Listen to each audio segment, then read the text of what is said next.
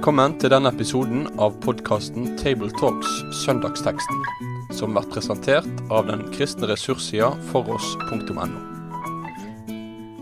Da er det nok en gang en glede å kunne ønske velkommen til en episode av Table Talks fra oss her i bergensområdet. Eh, ved hver vår skjerm denne gangen sitter eh, Gunnar Ferstad, som er rektor på Bildøy bibelskole, Rolf Kjøde, som er førstelektor på NLA høgskolen, og meg sjøl, Tarjei Gilje, som er redaktør i Dagen.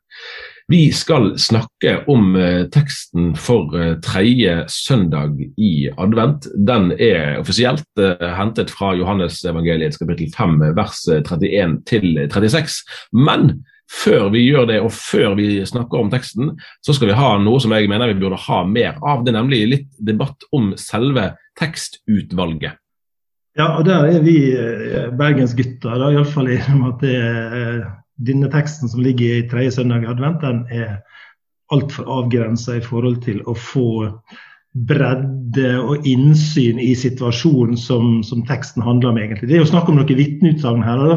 Og hvis jeg skal si det litt sånn, eh, litt sånn populært, kanskje, så syns jeg at det er en, en unndrar for mange vitner bevisst i teksten her, som kan være med å å styrke saka, eh, nemlig at Jesus er den han ga seg ut for å være. og Det er noen vitner i, i, teksten, men så er det noen vitner som ligger og lurer liksom i forlenging av teksten. Så, så jeg syns det er helt urimelig å ikke la dem få komme til orde eh, i denne teksten. her. Altså, derfor har jeg vel egentlig sagt at vi vil, vi vil utvide med noen vers. Da, og det syns jeg de som preiker denne søndagen uansett må, må ha i synsfeltet når, eh, når de skal legge ut denne teksten. her. Da. Det er jo forståelig. altså Grunnen til at det er sånn, det er sannsynligvis at dette her er tradisjonelt sett er Johannes døper-søndagen i advent. Så det liksom, vi vil holde fokuset på, på han. Uh, men samtidig så har en valgt tekster både fra andre Peters brev her og fra Malaki, som jo understreker det som er poenget videre i de versene som vi har tenkt å lese når vi skal lese vers 40. Uh, nemlig En ting er at Faderen er vitne, en annen ting er at Skriftene er vitne. Og det kommer jo også veldig tydelig fram, da, ikke minst i 2. Peter 1-tekster. Eh, men da kan vi lese ifra eh, Johannesevangeliet, det femte kapittelet, vers 31, og vi leser helt til vers 40. Dersom jeg vitner om meg sjøl, er vitneutsegna mi ikke gyldig. Men det er en annen som vitner om meg, og jeg veit at den vitneutsegna han gjev meg, er sann. Det sender båd til Johannes, og han vitner for sanninga. Jeg trenger ikke vitneutsegn fra mennesket, men jeg sier dette så de skal bli frelste. Johannes var ei lampe som brann og lyste, og ei lita stund ville det glede ikke lyset hans. Men jeg har ei vitneutsegn som er sterkere enn den Johannes gav, gjerningene Far har gitt meg å fullføre. Og det er disse gjerningene jeg gjør, som vitner om at Far har sendt meg. Ja, Far som har sendt meg, har sjøl vitna om meg. Hans røyst har de aldri hørt, hans skapnad har de aldri sett. Og hans ord let de ikke værende i dykk, for de tror ikke på den han har sendt. De gransker Skriftene, for de mener de har evig liv i dem men det er de som vitner om meg. Likevel vil de ikke komme til meg, så de kan ha liv. Takk skal du ha. Skal vi bare begynne med selve uh, tidspunktet i kirkeåret. Dette er jo noe som man har et ulikt forhold til det å følge tekstrekkene. Og så er vi nå på tredje søndag i advent. Og da har, uh, har uh, Du nevnte i sted, Rolf, at dette er døperen Johannes sin, sin dag, da, så å si. At, og Da er det en historikk for å tenke at første søndag i advent snakker man om Jesu komme, altså Jesu fødsel. Andre søndag i advent er, er blikket rettet mot Jesu gjenkomst. Og nå tredje søndag er, er døperen Johannes særlig i søkelyset. Slik er det jo i, eh, i kirkeåret. og uh jeg tenker jo at en del av de sammenhengene som vi her representerer mellom kirkelig og frikirkelig sammenheng, også kan ha en veldig nytte av å tenke gjennom kirkeåret av og til. Og du har jo nettopp hatt både et større intervju med, og, ja, både i avisa og i podkasten tar jeg med eh, Peter Halldorf, som understreker dette med adventstida, som egentlig er en fastetid som skal forberede oss på julas store feiring. Og Jeg er jo redd for at det har gått tapt. Og selv nå når julebordene må stenge ned, eller kanskje det er en anledning egentlig det da, for å dukke, dukke, litt mer inn i fasten, slik at festen blir desto større når den kommer. Men det er jo ikke det viktigste fest og de tingene. Det viktigste er at vi lever i forberedelsestida og kan ta inn over oss dette svære som jo ligger i jula, nemlig at Gud blir menneske. Og Johannes er jo en kjempeviktig peker eh, fram imot dette. da, og Derfor er det naturlig at han har, har en søndag der han får litt fokus. Akkurat. Og Hvis vi går til denne døperen eh, Johannes, det er jo en temmelig var jeg trygt kunne si, en temmelig interessant eh, skikkelse. Og For å forstå litt av, av bakteppet for det vi leser om han i dagens tekst, er det jo naturlig å gå noen kapitler tidligere i Johannes evangeliet til begynnelsen, der han blir, blir presentert. Eh, i sin relasjon til Jesus, og Johannes sjøl sier at han ikke er verdig til å løse eh, Jesu sandalrem, så såpass liksom langt ned plasserer han seg i forhold til Jesus. Og så sier han om seg sjøl at jeg er en røst som roper i ødemarken, gjør Herrens vei rett. Og, og ut fra det vi har snakket om, så er jo det òg et tydelig eh, adventsbudskap, egentlig.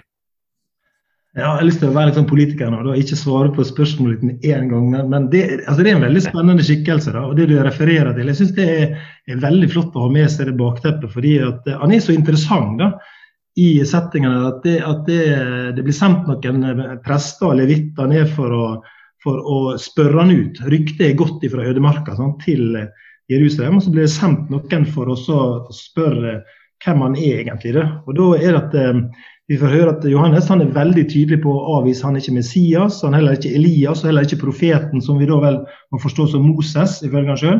Um, ehm, og Da observerer jeg litt sånn lett frustrasjon hos gjengen som har kommet ned for å finne ut hvem dette her er.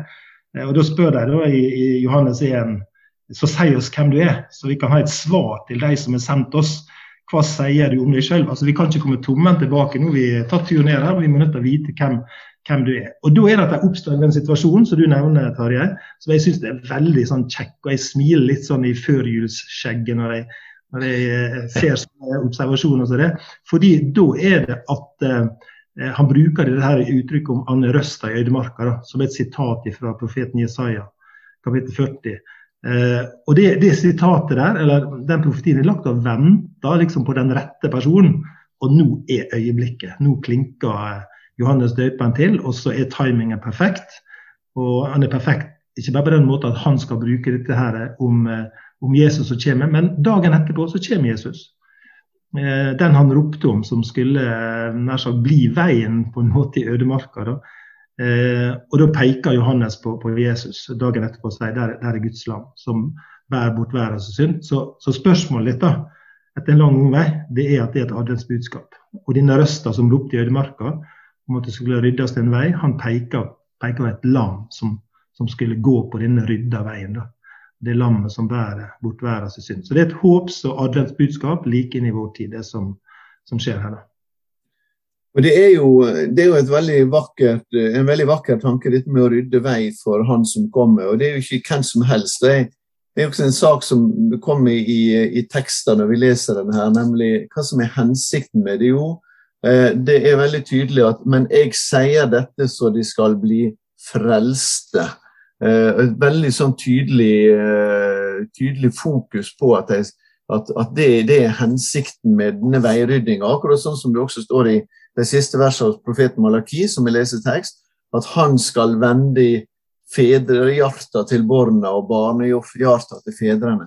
Og Det er jo Jesus store pine og plage i denne fortellinga her, at disse her som skulle kjenne Skriften og skulle kjenne Guds vei, de ser ikke at nå, nå er Guds frelsesvei lagt midt uh, foran ansiktet på dem. De er invit egentlig invitert til å gå inn på den, men de vil ikke. Uh, men, men, denne frelsesviljen uh, som ligger inne når, når de sier 'gjør Herrens veier rette', det er også et, veldig sterk, og det må være tenker må være bærende for forkynneren på denne søndagen. her, at, at han forkynner for at de skal bli frelst. altså. Det er, det er hele, det er hele hovedsaka um, i, i, det vi er. Vi tar litt, uh, litt kontekst da, i teksten her. Uh, kapittelet, kapittel 5, vi begynte nå på vers 31. At kapittelet begynner med, med denne ja, Den er ganske berømt, den egentlig. Helbredelsen ved Betestadam. Det er sikkert en del av de som hører på, som har vært der og sett restene av, av, denne dammen. Det som i Johannes evangeliet gjerne blir kalt for et tegn, et gudsrike tegn. Mannen hadde vært syk i 38 år, og Jesus helbreder han på en sabbat. Det vekker naturlig nok eh, oppsikt, og Jesus havner i en av sine mange ordvekslinger eller disputter med de religiøse lederne. Og så er det jo liksom Jesu forklaring og deler av den som er, eh, som er teksten vår. Eh, hvis vi bare begynner med vers, altså det første verset i teksten vår, da, så er det en referanse fra, fra rettsvesenet. og Vi òg forstår det at man kan ikke vitne på sine egne vegne. Eh, men det er bare en bakteppe greit å ha med at uh, vitnenes betydning i rettsoppgjøret antagelig var, var, større den gangen. De hadde naturlig nok ikke, ikke samme muligheten til å innhente tekniske bevis som vi har. sånn at vitneutsagnet var, var, gjerne enda viktigere. Eh, ja, det, kan, det er du sikkert rett i, Tarjei. Altså, altså er det jo, det, jeg har bare lest det, altså. Ja. Det er jo sagt noe om, ja, du har lest det, ja.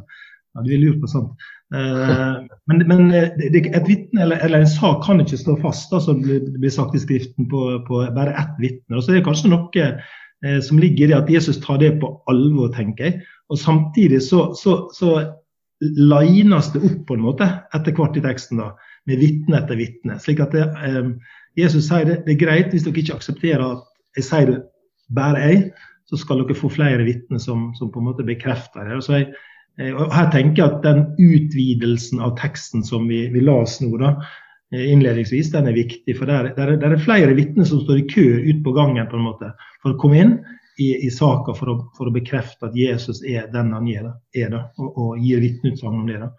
Eh, og Faderen er på en måte, jeg forstår jo Når vi kommer til vers 32, så forstår jeg jo det at det, er det Faderen som er det vitnet, og som da kommer tilbake igjen i vers 37 når, når, han sier ja, far min som har sendt meg, har sjøl vitna om meg. Hans røst har jeg aldri hørt, hans skapner har jeg aldri sett. Så, så, Jesus sier det. Jeg kan ikke ta det alene, men jeg har en rekke andre som kan være med på, på disse vitneutsagnene. Og som Rolf sa innledningsvis, så, så vitner Skriftene. Og der du slutter å lese, Rolf, så fortsetter faktisk Jesus med enda å trekke fram spesielt Moses som et vitne. Så, så der, der, er veldig mange vitner som står i kø her i denne saka. Og dette er, jo, dette er, jo, et veldig særpreg med Johannes-evangeliet. Det er jo I fortolkninga så uh, snakker vi gjerne om at uh, Johannes-evangeliet uh, det er en, form for Eh, det er en form for eh, vitnesbyrd. altså Det bygges ut, ut som en samling vitnesbyrd i saka mot Jesus. altså i, så å si anklagen mot Jesus og i, i, i den motstanden som han møtte. Men så, så lines det opp i rettssaker mot Jesus. altså Når en skal bedømme hva, det som skjedde med Jesus, eller denne personen her, hva, hvem er han? og Uh, og, så, og, så, framføres vitne etter vitne. Dette ser vi allerede fra det kapitlet som vi var inne i i stad, nemlig det første kapitlet. Der kommer det masse vitner inn der fra, fra, der som dere las om Johannes eh, døperen, og utover i resten av kapittelet. Så det er stadig noen som begynner å vitne om Jesus. Philip, Andreas, de vitner om Jesus. Eh, og Vi får det helt i slutten av evangeliet også, der det står at dette er skrevet som vitnesbyrd for at dere skal komme til tro. Da. Og her, midt inne i kapittel fem også, så har vi, så har vi eh, akkurat det samme, en sånn understreking av et sånn helt sentralt tema i Johannes-evangeliet. og det, det, er denne måten faktisk Johannes-evangeliet er bygd opp på. Så å snakke om vitnesbyrd i dag, det er faktisk, da er vi helt inn til kjernen av Johannes-evangeliets hensikt. Vitnesbyrdet for å peke på at han er den han ga seg ut for å være. Altså at Jesus er den han ga seg ut for å være. Og så henter vi inn vitner eh, fra gangen, som Gunnar sier, inn, inn, i skranken for å si eh, hva en har sett, hva en har hørt, og hva en vet. Eh, og Det er ut fra det eh, overbevisninga blir så sterk da, i, et, eh, i dette evangeliet. Og Vi kan også da forkynne med, med den samme overbevisning. Det er kjempeviktig at vi gir, at vi gir frimodighet til forkynnere til å virkelig ja, forkynne med overbevisning om at Jesus er veien, sannheten og livet. Det er et fint, eh, fint eh, trekk kan jeg vel si, ved, ved teksten at uh, altså, jeg er ikke avhengig av at noe menneske vitner om meg, sier Jesus i vers uh, 34. Han trengte ikke det, men likevel så var det Johannes som fikk, som fikk oppdraget med å være denne spesielle forløperen eller veirydderen. At Gud løfter mennesker opp fra uverdighet. Og noen ganger mennesker som kanskje er litt annerledes enn enn det en moderne kommunikasjonsrådgiver hadde lagt opp til. Ja, men du som journalist ville jo vært kjempeglad, Johannes, for han gjorde jo alt det som ikke skulle gjøres. Eh, det er helt riktig. Men, men, men altså han, og han ble jo også lagt merke til, naturligvis. Så der, vi, har jo, vi har jo den jødiske historieskriveren Josefus, som skriver litt senere i århundret, som skriver jødenes historie. Og Han skriver litt om Jesus, men han skriver faktisk opp litt, litt om døperen Johannes. Og Det betyr jo at døperen Johannes var en figur som ble lagt merke til i sin egen samtid. Men han sto der som en, som en profet. ikke sant? Eller han sto der på terskelen mellom det gamle og det nye og, og, og varsla det nye. Eh, og Likevel så er det sånn, sier Jesus, at, eh, at eh, enhver som bryter inn i himmelriket, er større enn Johannes. Eh, og Det er ikke fordi en sånn måler personer sin størrelse, men det er fordi at den som virkelig har fått blitt med på Jesusvandringa, har fått med seg mer enn enhver profet i Det gamle testamentet. Det er en ganske sterkt budskap, egentlig. Nettopp. nettopp. I, eh, I, vers 36 eh, eh, er det jo på en måte at Jesus hva skal si, lander litt det som vi har snakket om en del nå, at, at vitnesbyrdet om, altså hans vitnesbyrd om seg selv ikke bare var basert på ikke bare på hans eget vitnesbyrd, og heller ikke bare på mennesker, men, men uh, hos Gud. Uh, uttrykt bl.a. gjennom dette tegnet som vi så vidt var innom i sted, helbredelsen ved, ved Betesta. Eh, det, du, du, sa litt i sted om, om dynamikken i Johannes-evangeliet. for der, der, er jo sånn interessant eh, hva skal jeg si, nesten sånn gudsbevis, eller det er jo ikke bevis i den mening, men det Guds gudsrike tegndimensjonen der, der miraklene hadde en bestemt eh, oppgave i det å være eh, ja, altså synliggjøringer, av manifestasjoner av, eh, av, at det var noe mer som skjedde her enn en eh, politisk religiøs eh, retoriker? Ja, absolutt. Det er jo, det er jo tegn, altså det tegnordet. Han bruker jo ikke noe særlig underord i Johannes evangeliet, han bruker dette tegnordet. Og så er det avgrenset til sju tegn, det hellige tallet, så å si, eh, som, som, fortelles. Og de står der på ingen måte tilfeldig. De står der eh, Naturligvis betyr det noe at Jesus ut utførte gjerningene der og da, når folk ble mette, når folk ble, ble friske, og det er det som Jesus da forteller. Men, eh, men, eh, men, hos Johannes er det veldig viktig at, at, det han forteller, det skal peke utover det. Altså hele tiden, Johannes er en veldig sånn dobbel bunnmann. Eh, det er alltid noe som peker utover. Og, og der, der synoptikeren bruker begrepet Guds rike, så bruker jo han begrepet det evige liv. Eh, og det er akkurat dit det peker hele veien. Ikke vekk fra livet, men gjennom livet og også inn i det evige livet. Eh, så, så der, er, der, er der er noen skikkelig bunner, doble bunner i, i, i disse tingene. Det ligger litt i tegnbegrepet til Johannes.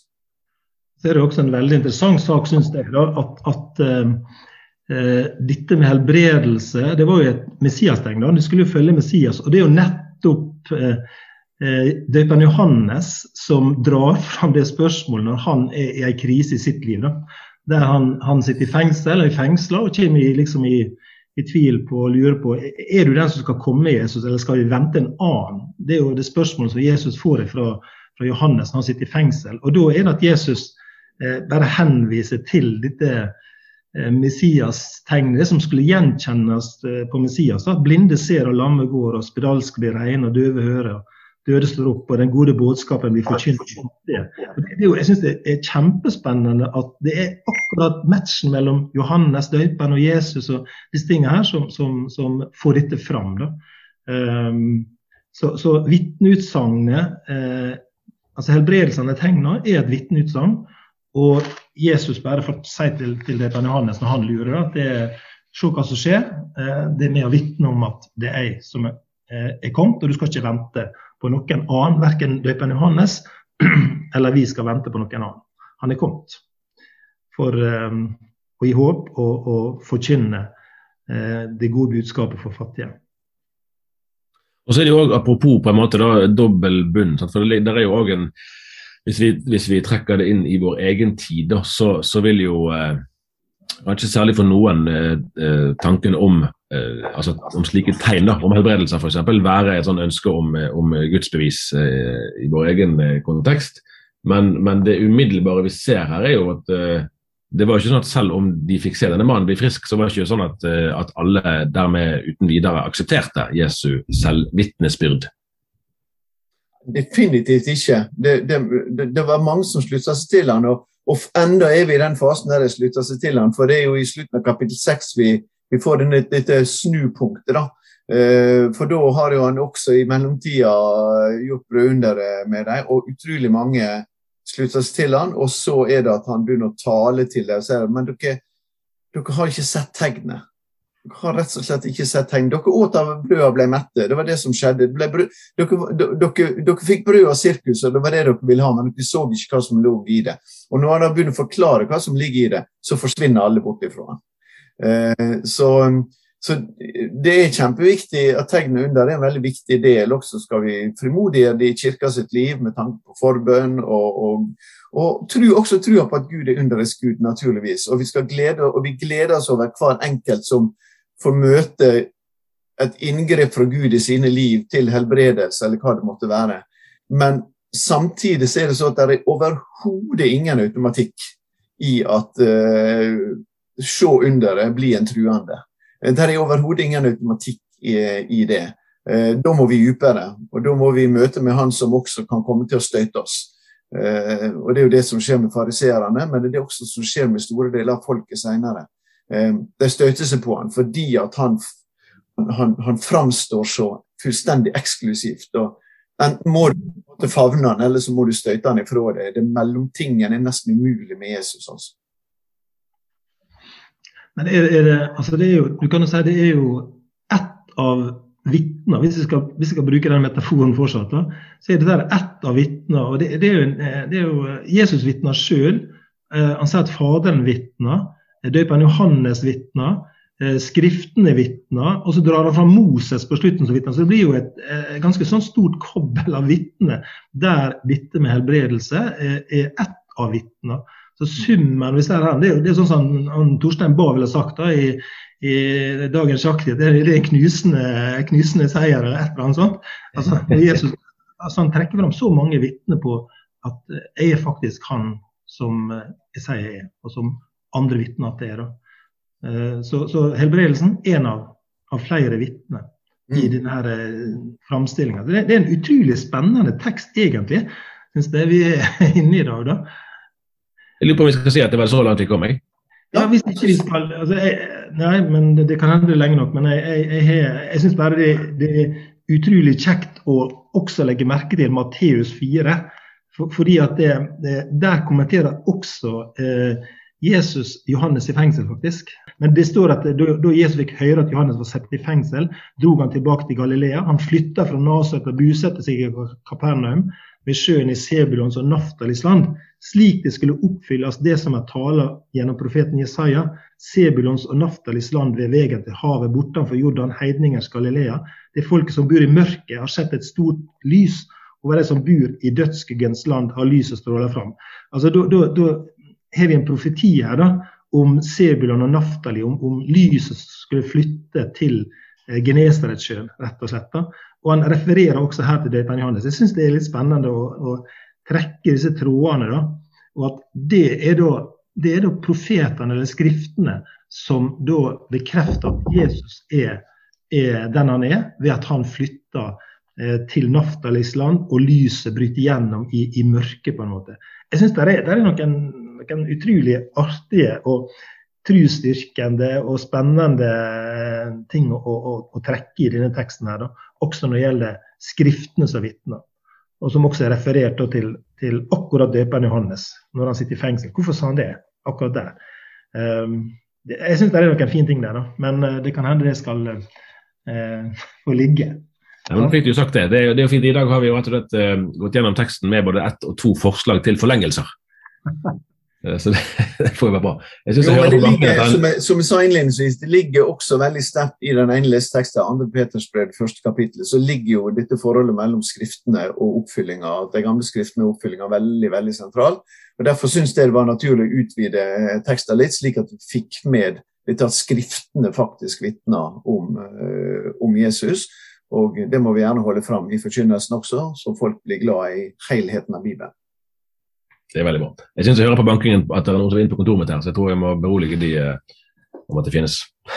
vi sier takk for at du hørte på. Vi høres igjen om ikke så lenge. Med det sier vi takk for følget for denne gang. Finn flere ressurser, og vær gjerne med å støtte oss på foross.no.